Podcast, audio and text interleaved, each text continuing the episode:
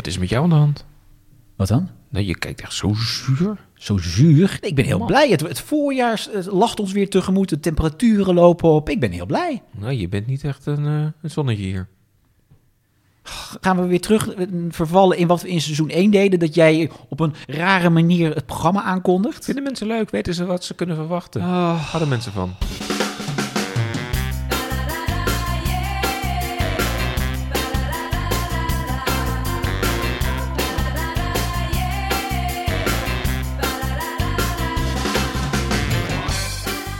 Seizoen 2, aflevering 2 van Daar Bleef Je Voor Thuis. De podcast over tv-nostalgie. We zijn weer terug met eh Bjorn Bouwens. En met uh, Ron Vergouwen. Ja, nou, we, we zitten weer helemaal in het seizoen, hè? We zitten weer in het seizoen. Nou, Het was even spannend, maar eh, we- we gaan door toch? Met, met dit seizoen hebben we besloten. Ja, nou ja, voor, vooralsnog haalt niemand ons van de podcast-app af. Dus voorlopig gaan we door. Even aankondigen over welk programma we het gaan hebben. Nou, je, je zei het al.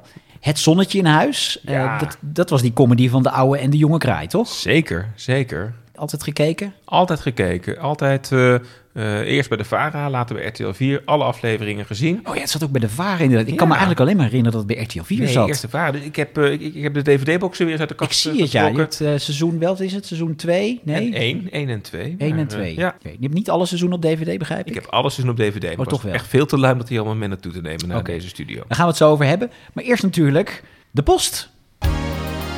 Ik heb hier een mail voor de podcast.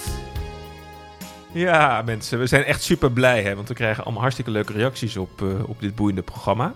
En eh, het is wel leuk, want ik was laatst eh, te gast in een andere podcast. Dat is Kleine Boodschap, dat is de podcast over alles Efteling. Krijg je betaald om dit te zeggen? Nee, maar dat was echt superleuk, want daar kon ik naast mijn mediakennis ook alles kwijt over mijn Efteling-kennis. Dat werd daar gecombineerd. En als je Eft- denkt... heb jij Efteling Ja, zeker, zeker. Dus Ja. binnenkort gaan we ook een programma over de Efteling Gaan wij behandelen. zeker doen hier. Is Ja. er een programma over de Efteling? Nou, er zijn er heel veel. Als je naar die podcast luistert, dan hoor je mij daar in twee delen vijf uur lang over vertellen. Maar het leuke is dat bijvoorbeeld Arthur van der Velde, die is door Kleine Boodschap weer naar de Bleef je voor thuis gaan eh, luisteren. Ah, en die heeft welkom. ons gebinged. Nou, daar ben je in drie uur mee, eh, mee, mee klaar, zou ik eh, denken. Maar die heeft nog wel wat tips. Dus ik, ik, ik heb maar een lijstje aangelegd. Maar wat dacht je van eh, Bulldozer met Rolf Wouters? Bulldozer. Ja, dat was zo'n zo'n kermisattractie die eh, in de studio Met stond. Rolf Wouters. Ja, inderdaad. Ja. Of Dagelijks spelletje was dat. Monte Carlo, Knalende Kurk, of we daar een keer een special over kunnen maken. Dat waren de nieuwjaars eh, specials van RTL 4. Sterker nog, wij, wij bellen elkaar altijd op nieuwjaarsdag elk jaar.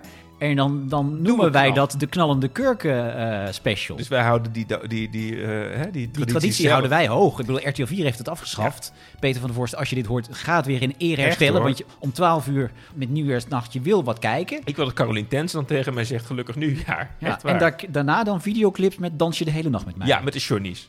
Ja, nee, zou ik heel Mensen leuk weten niet waar het over ging, maar Nee, dat was ook maar een Arthur traditie. wel. Arthur na wel. eh, Knallende Kurken werd altijd de videoclips van eh Dans je de hele nacht met mij werden dan uitgezonden. Dus zet hem op vier show. Ja, eh, wie ben ik? De honeymoon quiz, Waku Waku. Ja. Arthur, ze gaan op de lijst. En eh, Ja, Honeymoon Quiz vind ik leuk. Gaan we doen. alles met Ron Brandstede, toch? Ja, absoluut. Ja. Ja. Dus dankjewel uh, Arthur. En Paul Sprangers, presentator trouwens van, uh, van Kleine Boodschap, die, uh, uh, die had al Zonnetje in huis getipt. Dus daar gaan we vandaag aan voldoen, Paul, speciaal voor jou. Mhm. En die zegt, ja, eigenlijk alles toch nog steeds met Rolf Wouters. Maar vooral ook de shows die hij alweer vergeten was. Is er zo'n Rolf Wouters programma? We hebben er in seizoen 1 een aantal uh, gedaan. Maar is er nog iets wat jij zegt van, oh, dat zou ik echt wel nog een keer terug willen? Nou, er zijn, hij heeft echt zo'n groot cv. Hij heeft heel veel programma's gedaan. Ook programma's waarvan je denkt, heeft hij dat ook gedaan? Een van de minst bekende programma's, volgens mij van Rolf Wouters, Orde Orde. Ja, met die rechtbank. Ja, inderdaad. Het was zat in een soort rechtbank. Ja. Ja. En uh, wat heeft hij allemaal nog meer gedaan? Uh, Televisione di Rolfo was een soort parodie op de Italiaanse uh, showprogramma's. Ja, en vergeten programma's ook, want hij is natuurlijk... Hij is afgelopen jaar weer terug op televisie geweest. Maar ook in 2005 was hij in één keer te zien bij Talpa met Supergebal. Dat was ook zo'n... Ja, dat weet ik nog. Dan moest je, een, je, moest je een, een voetbal in een cabrio schieten. Ja, ja, echt. Rolf Wouters had gedacht van, ja, ik wil echt een televisie mee maken. Maar toen belde John de Mol van, oh, we gaan mensen met een bal in een cabrio laten schieten. Hij zei, ik doe weer mee. Ja, ja. want dat is zo'n geniaal tv-format. Daar kom hè? ik voor terug. Ja. Echt waar, laat Rolf Wouters weer of nou en never of wet en dat. Oh, ik... Ja, ja, nou binnenkort, als je suggesties hebt voor een, waarvan je zegt, nou dat programma van Rolf Wouters, daar moeten ze het over gaan hebben. Laat het even weten via, uh, daar bleef je voor thuis, at gmail.com. Dan gaan we nu terug uh, naar het programma waar we het over gaan hebben. Uh, het zonnetje in huis.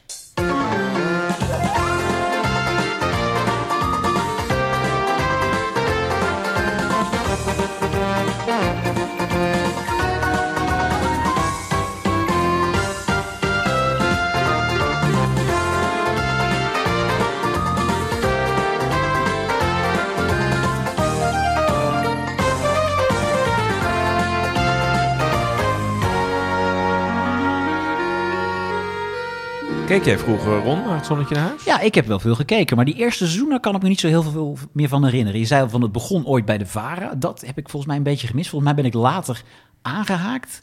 Maar ja, nee, het is, het is een super bekende comedy natuurlijk. Enorm populair. Miljoenen mensen keken ernaar.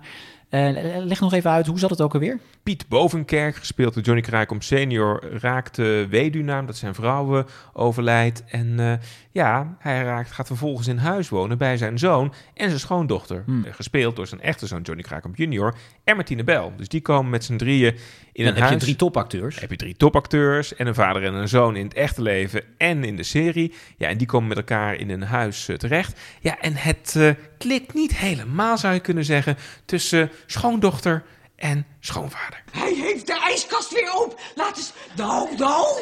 Nou gaat het toch te ver. Nee, nou haak ik het. Ik haal hem erbij. Kat, kat.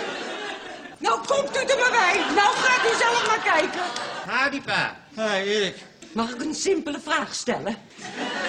Is dit de bedoeling? Ik begrijp de simpele vraag niet. Moet die ijskast openstaan? Als je er iets uitpakt, wel ja. En daarna doen we hem dicht. Heel goed. Heel, mag ik nou weer naar bed? Nee, nee, nee. Ik wil dat het nu heel goed tot u doordringt. Zo is hij open. En zo is hij dicht. Open, dicht, open, dicht. Heeft u dat? Kan je het nog één keertje voordoen? Nee! Ja, de bloedbonje tussen uh, het karakter van Martine Bijl, de schoondochter, en de schoonvader, uh, de oude kraai, om het zo maar te zeggen. Dat, daar ging het om in de serie. Die, die konden elkaars bloed wel drinken. Absoluut. En daar zat dan zoon Lee John Kraaikamp junior zat daar dan tussen. En die koos nooit echt partij. Want ja, het is en zijn vader en zijn vrouw. Dus hij moest het soms sussen en soms ontliep hij de boel een beetje. Ja. ja en... Maar hij bleef ook jarenlang in dat huis wonen. Kun, je dat, kun jij dat nou voorstellen? Jij hebt ook een schoonvader, Bjorn. Kun jij nou voorstellen dat jouw schoonvader op een gegeven moment de, de bel gaat, de schoonvader staat daar met zijn koffers en die zegt: Bjorn, die zegt: Ik kom gezellig de komende tien jaar bij jullie wonen. Uh, nou, um, kijk, lieve, gezellig hè? Lieve man. Um, nee, dat zou niet gaan, denk ik.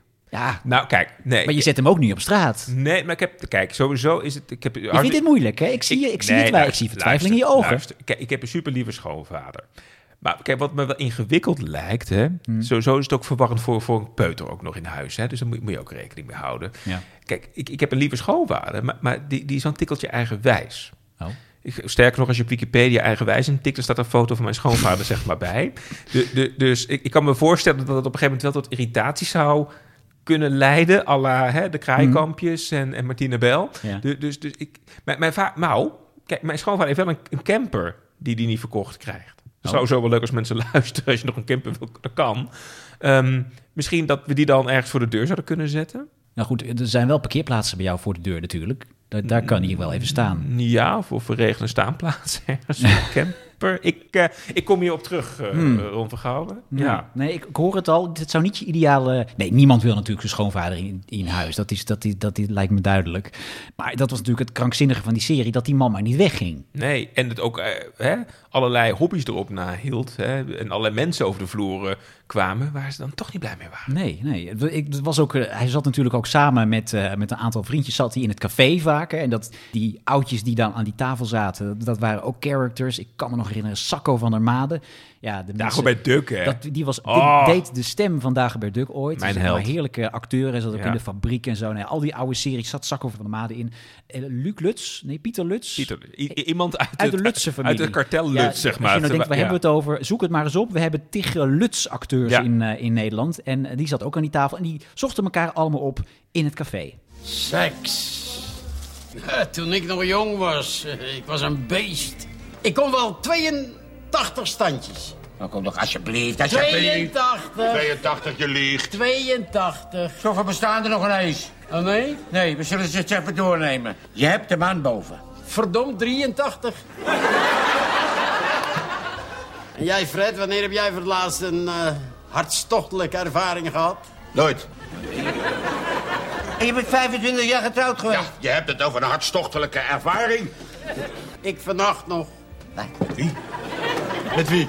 Astrid Joosten. Ook Vara. Ja, en die oudjes roleerden ook wel eens, hè? Want Sakko van der Made die is eh, tijdens die opnameperiode overleden. Dus er kwam er weer iemand anders bij. En eh Hero Mulder heeft er nog ingezeten, Ja, volgens mij. Cor de Zeeuw uit Onderweg naar Morgen. Cor de Zeeuw uit Onderweg En de. Sprookjesboom. Hier komt mijn Efteling-kennis ook weer Dat van komt, pas. het hele cv van Hero Muller komt hierboven. Dat is toch fijn. En, en Ella Snoep heeft er ook in gezeten. Oh, wij Snoep. hebben natuurlijk vorig seizoen een, monumentje voor haar opgericht in de aflevering over Seth en Fiona. Ja, Ella Snoep. Ja, Ja. fantastische actrice toch? Ja, en zij, eh, zij zette eh, ook een rol neer als eh eh, Hella. Zoals de oude Kraai dat uitsprak. Ja, in het café schoof zij dan aan. Ik verveel me. Heb ik jullie al verteld van die kinderen? Ja, Jij weet helemaal niet wat ik wou gaan zeggen. dat kan ik nog wel raden. Ella. Ik zat in... In Peru, Ja, heb ik jullie ook verteld van die excursie? die- naar Machu Picchu. Oh, daar weet ik niks meer van. Nou, Nou, Machu, Machu Picchu, dat is is de de verborgen verborgen stad van de Inca's in midden-Peru. Mevrouw is daar naartoe geweest met een bus. En toen moest ze helemaal naar boven naar die tempel... waar ze vroeger echte mensenoffers brachten. En ze wou even lollig zijn, ze ging op het offerblok liggen. En die gids begreep dat verkeerd. En die heeft toen in één klap ter hoofd van de romp gehakt. Nee hoor. Ik ging op de foto met Wim Sonneveld. Ik vond mijn slot leuker. Oh, Ella Snoep, ook eh, inmiddels alweer een hele tijd eh, overleden. Ja. Leuke karakters allemaal. Ja, en we gaan volgens mij ook later in dit seizoen... Ik, ik stel voor nog een paar monumentjes voor Ella Snoep. Ella Snoep kan me niet vaak genoeg eh, terug, eh, terugkomen. Die zat niet in het eerste seizoen volgens mij, hè? Van het zonnetje? Nee. Nee, want het was geen Nederlandse serie. Het is gebaseerd op een, op een buitenlandse serie. Ja, zoals zo heel veel eh, van, van die eh serie. Dit, dit was Tom, Dick en Harriet. Dat was het origineel. Mhm. Ja. En zoals zoveel series in de jaren negentig... was dit ook een, eh, ja, een, een bewerking van die serie. Ja, bewerkt door, door, door Harm Edens trouwens. Harm Edens. Ik- Ik ken Harm natuurlijk van een andere podcast. Luister die podcast mensen. Heb je dit, te pluggen? Dit was de radio. Oh, Daar krijg je ook voor betaald. oh. En ik ken Harm. Zullen we Harm gewoon even bellen over Maar- de ontstaansgeschiedenis van het zonnetje? Ja, we zouden toch niet gaan bellen meer? Jawel, Dat was nee, vorige we- keer. Wel, nee, Nee, we gaan wel bellen. Tuurlijk gaan we, we gaan gewoon nee. bellen. Jawel. Nou, mij niet bellen. Nou, mij niet bellen. Mij niet bellen. Mij niet bellen. Nou, mij niet bellen. Mij niet bellen. Nee, en mij ook niet. Maar niet mij bellen. Nee hoor, mij niet meer bellen. Hallo, hallo. Harm Edens, dag. Je spreekt met eh, Ron en Bjorn van de fantastische podcast waar je altijd naar luistert. Daar bleef je voor thuis. Ja, Ehm, Harm, wij hebben het over de serie Het Zonnetje in Huis. Dat, Ja. dat is de serie die jij ooit vertaald hebt, toch? nee, die ik geschreven heb. Die werd vertaald uit het Engels, Tom, Dick en Harriet. Een tamelijk mislukte Engelse serie. En die werd door Haaien van der Heijden vertaald voor eh, de toenmalige VARA. Toen de delen op waren, toen was het eigenlijk niet zo'n succes. Maar toen dacht RTL, die serie willen wij wel overnemen. En toen eh, vroegen ze ons van, god, zouden jullie die serie door willen schrijven? Toen hebben we één proefaflevering gemaakt met een belachelijke gastrol voor Henny Huisman. Toen hadden we zo'n ongelofelijke lol dat we dachten, dat gaan we gewoon doen. En toen hebben we het nog eh, zeven jaar of zo, hebben we echt eindeloos veel nieuwe afleveringen geschreven. En dat was ook de tijd dat eh, Martine Bijl, toen ze naar RTL overging, dat rare rode pruikje afdeed. Want in de eerste, eerste seizoen had ze een soort raar henna-kleurig haar. Dat was eigenlijk ook helemaal niet grappig. En toen dachten wij, weg met dat pruikje. En eh, lang leven de nieuwe serie. En toen hebben we het eigenlijk veel meer op Amerikaans model geschreven. Toen sloeg het ineens wel aan. Ja, ja, we hebben het net inderdaad over al die karakters gehad. Over E- Ella Snoep die nog voorbij kwam in een, in een eh, rol. In de-! Altijd goed. Hella, inderdaad. Ja, ik zit hier met Bjorn Bouwers. Jij bent ook echt fan hè, van het Eh, Ella in Huis. Snoep, eh, en vooral Ella Snoep ook. Hè? En wat herinner je nog, Harm? Hè? Want volgens mij met, met die Kraaikamp en met Martine Bijl werken... dat zijn natuurlijk ook echt een soort van iconen uit de Nederlandse televisiegeschiedenis. Wat, wat herinner je daar nog eh, van om samen te werken met die drie? het klinkt echt zo van, je bent zelf ook al bijna 60. Nee. Die anderen zijn allemaal al dood. Kan je je überhaupt nog iets herinneren? Nou ja. ja. het is echt, nou ja, niet alsof het gisteren was, maar het staat... eh, We hebben jou nodig voor de overlevering inmiddels. Ja, dat is wel Ja. zo. Ja. nou, ik herinner me ongeveer alles nog. Dus ja, we kunnen er gewoon een tiendelige podcastserie over maken. Wat is het gekste wat je ooit hebt meegemaakt eh, op, op de set? Ik geef nu wel een kroonjuweel weg, wat ik misschien zelf ooit nog wil opschrijven. Maar we waren ooit genomineerd voor eh, een of andere tv-prijs. Ik weet niet zo goed meer welke. En dat was in het congresgebouw in Den Haag. En toen was Martine Bijl eh, genomineerd voor eh, hoofdrol beste actrice in een comedy. En die wint die prijs. En die komt op, die pakt die prijs, die kijkt die zaal aan en die zegt... Nou, vorig jaar was ik ook genomineerd. Toen heb ik niet gewonnen. Ben ik zeker beter geworden. En ze loopt zo weer af. en ik zat in die zeg, ja, god in de hemel. Dat is niet de bedoeling. Wij willen minstens de helft van die roem. Want wij schrijven die enorm grappige grapjes voor je. Dus kom maar door met het, nou, niets van dat alles. Dus het jaar daarop hebben wij een aflevering geschreven dat Erik met zijn reclamebureau een grote prijs wint. En de aflevering begint dat ze thuiskomen na de prijsuitreiking. En dat Erik vergeten heeft om Catharine te bedanken. Dus zij komt binnen, ze kwakt haar schoenen naar binnen. En hij zegt op de gang al, ja maar sorry schatje, ik had maar 30 seconden. Ja, maar en dat, dat komt niet meer goed. Zij is gewoon woedend dat hij haar niet bedankt heeft. Echt een hilarische aflevering vond ik het. En uiteindelijk is het dan over. En liggen ze s'nachts in bed. Doen ze het licht uit. Hebben het echt misschien wel recordlang zwart gehouden op de Nederlandse televisie. en dan doet Catharine ineens het land. Ja, Catharine zegt, dames en heren van de jury, bedankt voor deze prestigieuze prijs. Maar zo'n prijs win je natuurlijk niet alleen. Dat doe je met je hele team. Arend, Saskia, Henk. En dat is een hele rij. En natuurlijk niet in de laatste plaats mijn lieftallige echtgenoot, een drijvende kracht, een succesvol mijn hele bureau, Catharina Boven. Kijk haar daar zitten, straalstraal in haar. Schat, wat ben je toch een engel. Vijf seconden over, zegt hij dan aan het eind. Dus die 30 seconden aan het begin, ik had, Ja. maar ik had te weinig tijd. Hij, hij ramt dus een hele bedankspeech uit en heeft nog vijf seconden over. Nou, het publiek stortte echt van de tribune van het lachen. Het leuke was, Martine Bijl heeft nul seconden in haar leven zich gerealiseerd dat het op haar sloeg een jaar eerder bij de prijsstrijking. Dus Oh, eh, wat mooi. Wat mooi. dat was echt, nou Ja. dan hadden wij enorm veel plezier in Ja. ons werk. Maar Harm, als schrijver haal je natuurlijk heel veel inspiratie uit je eigen leven. Hoeveel van jouw eigen leven hebben we uiteindelijk teruggezien in eh, Het Zonnetje in Huis? nou, veel. Ja? Ja, ik zat regelmatig met mijn wederhelft die ook haar mee te kijken. En dan zei hij van, jeetje, wat doen die mensen irritant. Ja, weet je nog vorig jaar met die matses? En, eh, oh ja, dus je, je maakt altijd wel een vertaalslag. Een kraai die eh, een beschuit uit een trommeltje probeert te peuteren. Ze zit toen met- weer bovenop. Niet zo duwen met die vinger, Hanna, op dat, dat gaat alles stuk. Nou, dan, dan, dan roept hij iets in de trant van, je hebt altijd een gebrek aan, eh, je hebt altijd tekort aan paneermeel waar je zo over zit te zeiken. Binnenkort niet meer. Dus dat soort heen en weer getikke tak over waar het om gaat in het leven. Ja, dat haal je uit situaties thuis, situaties Ja. met je vrienden, situaties met je ouders. Heel veel ouders van vroeger. Dus met name goede comedy schrijven gaat over het begrip van karakters. En dat ze niet één op één kinderachtige grapjes tegen elkaar maken, maar dat je snapt wat de onderliggende drijvers zijn. Waarom ze doen wat ze doen. Ja. En het nooit opgeven. Nou ja, dat was Katrien, was met name, en, en met Kai, dat was een heerlijk duo om voor te schrijven. Dus dat, dat- ja, we zijn op een gegeven moment gewoon gestopt omdat ze te oud werden. Hoe, was dat trouwens, Harm? Want eh, het waren ook oude mee door kunnen gaan. Maar dat waren ook redelijk oude acteurs, hè? zeker ook de Zakken van de Maden en Ella Snoep. eh, Ging dat goed ook? op- Pieter Lutz was heel oud. Precies. Ging dat nog goed, zeg maar? Of, of waren ze dan ook aan het improviseren? Of konden ze met die tekst ook nog goed uit de voeten? Herinner je daar Nee, dat was onvoorstelbaar. Want weet je, wij hadden een beetje het. eh, dat is altijd het euvel met comedy schrijven. Als je op maandag meestal de lezingen gaat en je neemt het vrijdag op voor een live publiek. Na twee dagen beginnen die acteurs te vervelen. En dan gaan ze morrelen aan de grapjes. Of dan hebben ze een grap al drie keer gerepeteerd. Is toch een beetje de lol eraf. En hebben ze zelf een iets eh, grappiger variantje bedacht. En dat doen ze op donderdag nog een keer. En op vrijdag doen ze iets voor een publiek wat niemand meer begrijpt. Dus dan moet je, we hebben heel veel research in Amerika, heel veel bedrijfsspionage toegepast. En je moet dus altijd zorgen dat die acteurs bezig blijven. Dat hield in dat wij eh, maandag in de lezing van de tekst afblijven. Je moet exact doen wat er staat. Tot en met dinsdag, eind van de middag. Dan hadden ze genoeg tijd om het eigenlijk al de eerste versie uit het hoofd te leren. Dan gingen wij dinsdag herschrijven. En dan hadden ze woensdag een fris script. Ze waren dingen aangeschept, veranderd, bijgewerkt, opgeleukt, noem maar op. En dan moesten ze dan weer twee dagen mee aan de haal. En dingen die een klein beetje veranderd zijn, zijn moeilijker te onthouden dan iets nieuws. Hm. Dus daar hadden ze echt de handen aan vol. Omdat vrijdagmiddag bij de generalen, die je ook opneemt voor een live publiek, om eh, een reservetape te hebben, uiteindelijk dat feilloos voor een live publiek te kunnen spelen.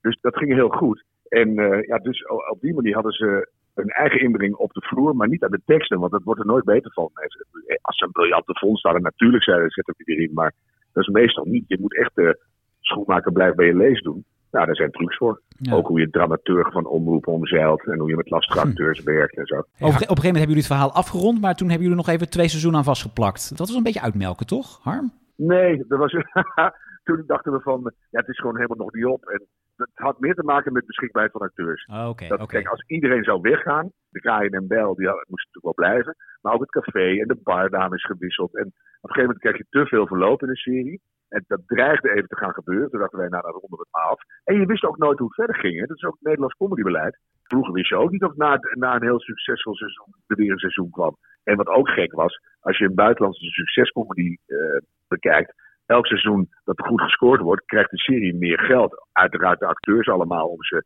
bij de serie te houden. Maar ook het hele productieproces. Dan kan je iets meer uitpakken, kan je iets andere verhalen doen, noem maar op. Ja. En bij, in Nederland was het vaak, ja, het heeft niet een succes. Die heeft niet meer zoveel geld nodig, dus dan kregen we minder geld. En dus na tien jaar dat de serie loopt, is dat best wel lastig aan het worden. Er zijn weinig sitcoms eh, eh, de laatste jaren. En er is wel geprobeerd om bijvoorbeeld eh Kees Co. nieuw leven in te blazen. Mag, mag RTL Ja. jou bellen om weer een, een nieuw seizoen van het Zonnetje? Ik bedoel, je zou natuurlijk kunnen zeggen, we gaan met de jonge kraai... die nu als schoonvader bij, zijn, bij zijn dochter of zijn, of zijn zoon nou, komt dan, wonen. dan hoor je al in je eigen vraagstelling zit eigenlijk het antwoord al. Want jonge kraai is geen oude kraai, is een heel ander type acteur. Ik vind dingen reanimeren. Nou, ik ken weinig voorbeelden. Er komt dus ook een nieuw seizoen Frasier in eh, Amerika. Dat is vaak eh, de dood in de pot. Ik ken eigenlijk geen enkel voorbeeld van een comedy die na 15 jaar opnieuw. Dan moet je een dunnetjes over gaan doen met een hele nieuwe cast. En de basissetting, twee mensen waar noodgedwongen een, een ouder iemand in huis woont. Ja, dat zou je bijvoorbeeld op basis van coronaleed, vereenzaming van mensen. Je moet altijd een goede basissituatie hebben waarom het klopt. Ik vond dat in de tijd van Sommetje in huis al kiele kiele. En het gekke was, ik had vroeger ook mijn opa in huis wonen. Dus dat was voor mij een zeer herkenbare situatie. Maar dat was de jaren 60. Ja, toen was het al de jaren 90. Dus dan, toen moesten we echt iedere keer heel hard werken. Waarom die man daar überhaupt nog woonde. Ja. En met anders je hem de deur uit. Als je dat nu weer gaat doen, dan moet je heel goed gaan nadenken van wat is daar leuk aan. En kijk, de tijd is natuurlijk heel erg veranderd. We hebben nu Netflix terreur, wat, wat heel erg realistisch is. De comedies uit het buitenland die hebben een, eigenlijk een honderdvoudig budget van de Nederlandse. Dus als je dat wil gaan doen, ik hoorde laatst een klemmend betoog van eh, Peter van der Vorst richting NPO, richting Frans Klein. Laten wij met de hele Nederlandse tv-industrie drama gaan ontwikkelen om tegen de buitenlandterreur op te kunnen. Dat zou voor comedy ook echt een antwoord zijn. Dat je, je zegt van, eh, laten we echt nieuwe formats gaan ontwikkelen die veel realistischer, met veel meer decors en veel meer mogelijkheden buiten eh, opnames, et cetera, gemaakt kunnen gaan worden. Ja, dan kunnen ze echt wel weer eens een keer bellen. Ik ga ze niet meer helemaal zelf schrijven. Eh, maar ja, dat zou ik wel ontiegelijk leuk vinden. Soms mis ik het wel hoor. Je kan zo ongelooflijk genieten van in mekaars hoofd gaan wonen. Ja, je maakt gewoon een heel nieuw universum. Ja. Nou, Harm, loop je Hallo? niet binnen? Loop ik binnen? Ja, want hij wordt dus steeds herhaald op RTL Lounge en op Videoland. Dat is toch een goudmijn? Vraag voor die, die je zelf wel weet, maar die je gewoon voor de los stelt, begrijp ik. Mhm. Ja, nee, je verkoopt altijd alle rechten aan bepaalde producenten in Nederland. Tja. En die gaan dan heus niet na tien jaar bellen. Goh, Har, wat leuk, Comedy Central zet er weer uit. En hier heb je ook nog wat. Nee, zo werkt dat niet. Tja. We zijn echt heel goed betaald in de tijd dat we het deden. Maar niet met de minste illusie dat je dan later via de rechten ook nog wat binnenhaakt. Dat is gewoon echt niet aan de hand. Nou, eh, voordat we dit gesprek ook gaan uitmelken, gaan we er maar een eind aan maken, want anders wordt het een grote harm. Oh, vind ik jammer. Ik was eigenlijk pas in het tweede seizoen beland. Dus eh, Het is goed met je. nee, even nog. Wat is eigenlijk jullie favoriete aflevering? Nou, we, hebben net een stukje eh, samen zitten luisteren. Eh er was wel een iconische scène, de koelkastscène van... eh, Open. Nou ja, dat Zo is nou dus echt mijn jeugd, hè. Want dat vroeg je net. Mijn vader kon ons werkelijk het hele huis doorboezoeren. En dan kwam hij de keuken in en zei hij... Wat zien jullie? Moet hier iemand dood? En dan stond er ergens achter op het aanrecht een melkbeker en er stond een mes rechtop in. Die agressie en die frustratie zit onder zo'n scène. Dat ze hem midden in de nacht aan zijn oor uit bed trekt. Is dit de bedoeling? U doet het expres, hè? Ik doe er één keer voor. Open dicht. Open dicht. Ja, dat is zo grappig eh, dat je dat kan uitnodigen. Dan kunnen zij als geen handen spelen, dus dat is heel leuk. ja. Maar we moeten het hierbij laten, Harm. Maar dank. eh, Ja, dat jammer weer. bellen. Zullen we volgende week weer een aflevering doen? Dan gaan we het over Sam Sam hebben. Ja, is ook leuk trouwens. Ja, ik ben wel van genoten. Nou, Jongens, je- dank jullie zeer. Oké, dag Harm. Veel groeten. Hoi, hoi. Hoi. Nou, goed verhaal van Harm. Lekker kort ook. Ja, precies, ja.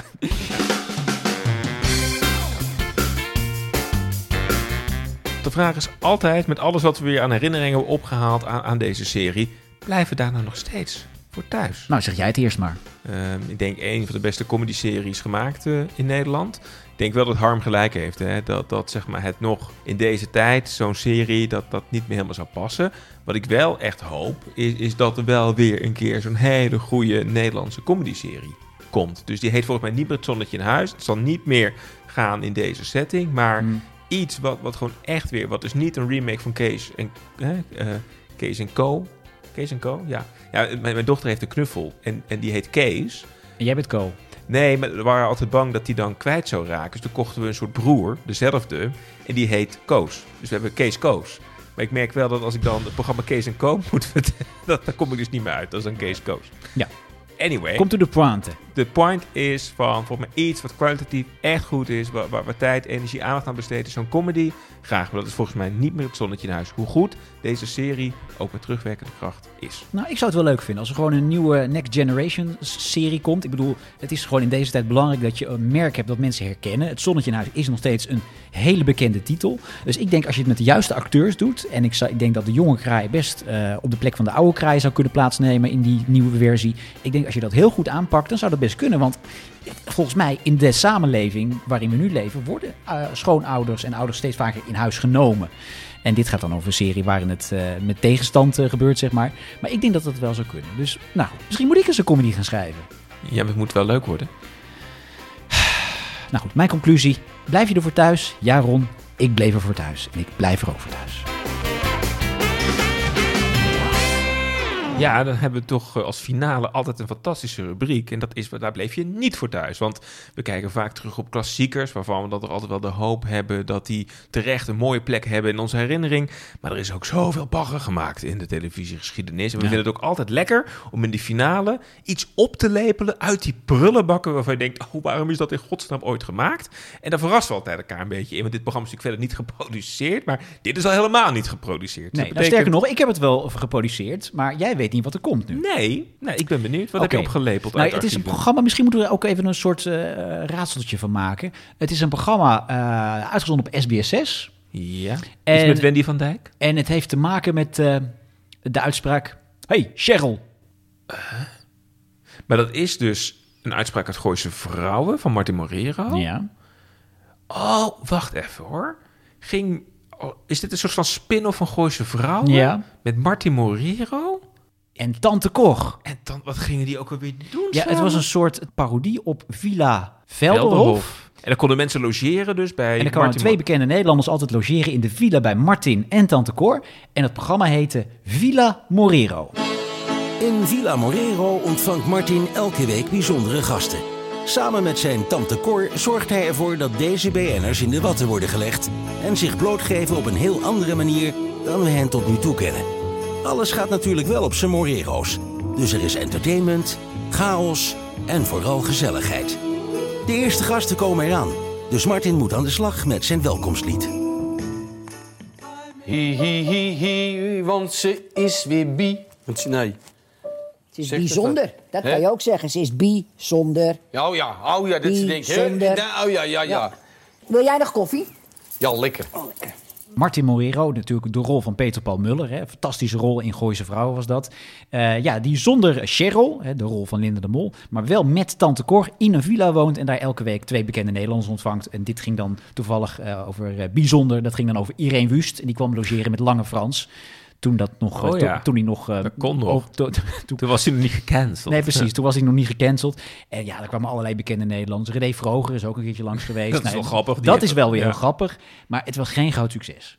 Nee, eh, ik, ik, herinner me nu eh, dit, dit. Kijk, volgens mij, het ligt voor me echt niet aan Beppie Melis eh, en aan Peter Paul Muller. Dat Beppie zijn Melissen die Tante Cor speelde. fantastische acteurs, toch? Zeg maar. Alleen karakters die dan een interview gaan doen, dat, dat, dat werkt eh, minder. Voor mij kan alleen eh Jopie Parlevliet het, hè, het karaktertje van Ja, Richard. nou, maar geen eh, Dolman heeft het natuurlijk gedaan. geen Dolman, maar- Rijman van als Tante S heeft het gedaan. Want hoe goed die karakters ook zijn, dat, dat, dat, dat semi-geïmproviseerd bij deze, dat, dat matcht niet helemaal. Nee, volgens nee mij. het kwam niet lekker uit de verf, terwijl die karakters zijn natuurlijk fantastisch. Ja, Daar de- kun je nog wel wat mee doen. Dus die parodie die het eigenlijk is en dan serieuze interviews, vol- volgens mij zat dat niet helemaal lekker in elkaar. Terwijl echt Martin Morero, voor, voor mij heeft hij ook met dat karakter, is hij ook het land ingegaan, toch? Die heeft winkelcentra geopend. Heerlijk, het is zo'n goed acteur. Het is zo'n fijn, dat Gooise Vrouw is ook echt een van de fijnste series eh, die, die we kennen. Maar ja, Ja. deze spin-off, nee, ik snap de gedachte, maar ik snap ook wel waarom het niet een heel groot succes geworden is. Nee, daar bleven we niet voor thuis.